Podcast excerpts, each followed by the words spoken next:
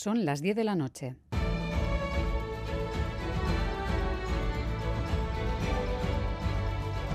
Radio Euskadi y Radio Vitoria. Servicios informativos.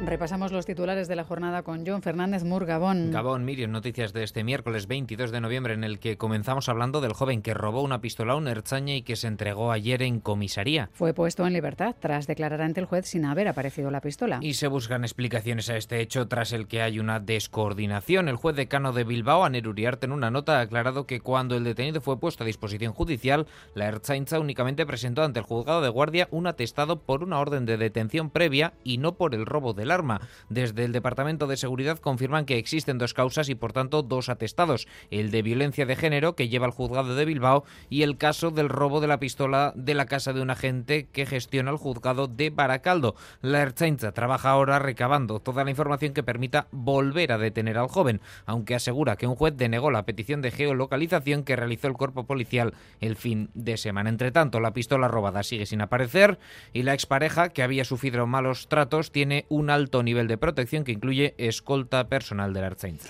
Hoy hemos conocido que alumnos de al menos siete centros educativos de San Sebastián han entrado o han recibido invitación para ingresar en los dos grupos de WhatsApp con contenido pornográfico y comentarios vejatorios. Son más de mil alumnos, sobre todo de entre 12 y 14 años. Vi lo que el contenido que había, que era como insultos y eso, y decidí salirme, porque no quería ni tener problemas. Había algún mayor haciéndose pasar por niños que pedían fotos de gente desnuda y así. Vídeos pornográficos muy fuertes. Bloqueé el grupo, no me dio buenas vibras. La directora de Surriola y Castola, Esther Mondarain, advierte, no es la primera vez, pero quizás sí la más grave toma otro tipo de, de porque estamos varios centros involucrados y porque son muchos niños, pero no, nosotros llevamos mucho tiempo muy preocupados con mala utilización de las redes sociales, de que los alumnos tienen demasiado pronto el móvil. En página política, Sumar ha registrado su proyecto en Euskadi. Con el nombre Sumar Mugimendua, su relación con Sumar a nivel estatal será federal y, según destacan desde la formación, tendrá cierta autonomía respecto al proyecto de Yolanda Díaz. Lander Martínez, diputado de Sumar en el Congreso, ha explicado aquí, en Gambara, que su formación estará en las elecciones al Parlamento Vasco y que espera que sea en coalición. Sumar va a estar en, en, en las elecciones al Parlamento Vasco. Eh, esto implicará pues, una discusión más o menos profunda con los diferentes actores, incluido Podemos, con puntos de partida más cercanos o más lejanos, pero que nosotros creemos que van a llegar a buen puerto. Probablemente hay algunas cuestiones políticas que requieran de una resolución a más largo plazo, pero también tener la eh, cabeza y la sensatez suficiente como para alcanzar un buen acuerdo de cara a estas próximas elecciones.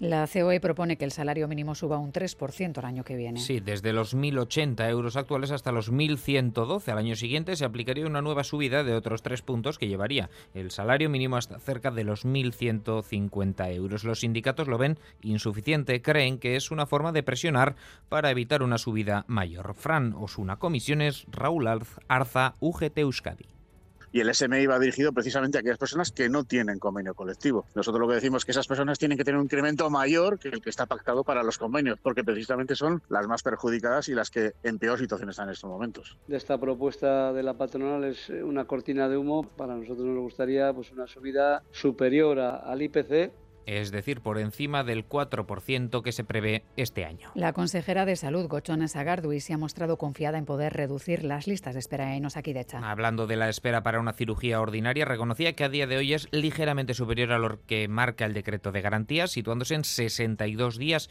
El decreto habla de un máximo de 60 y antes de la pandemia la espera era de 50 días. Gochona Sagardui. Estos datos van a seguir mejorando.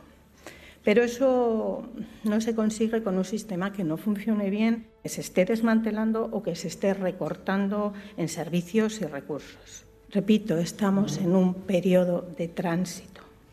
Es todo. Más noticias en una hora y en todo momento en itv.eus y en la aplicación ETV Albisteac. Geruarte.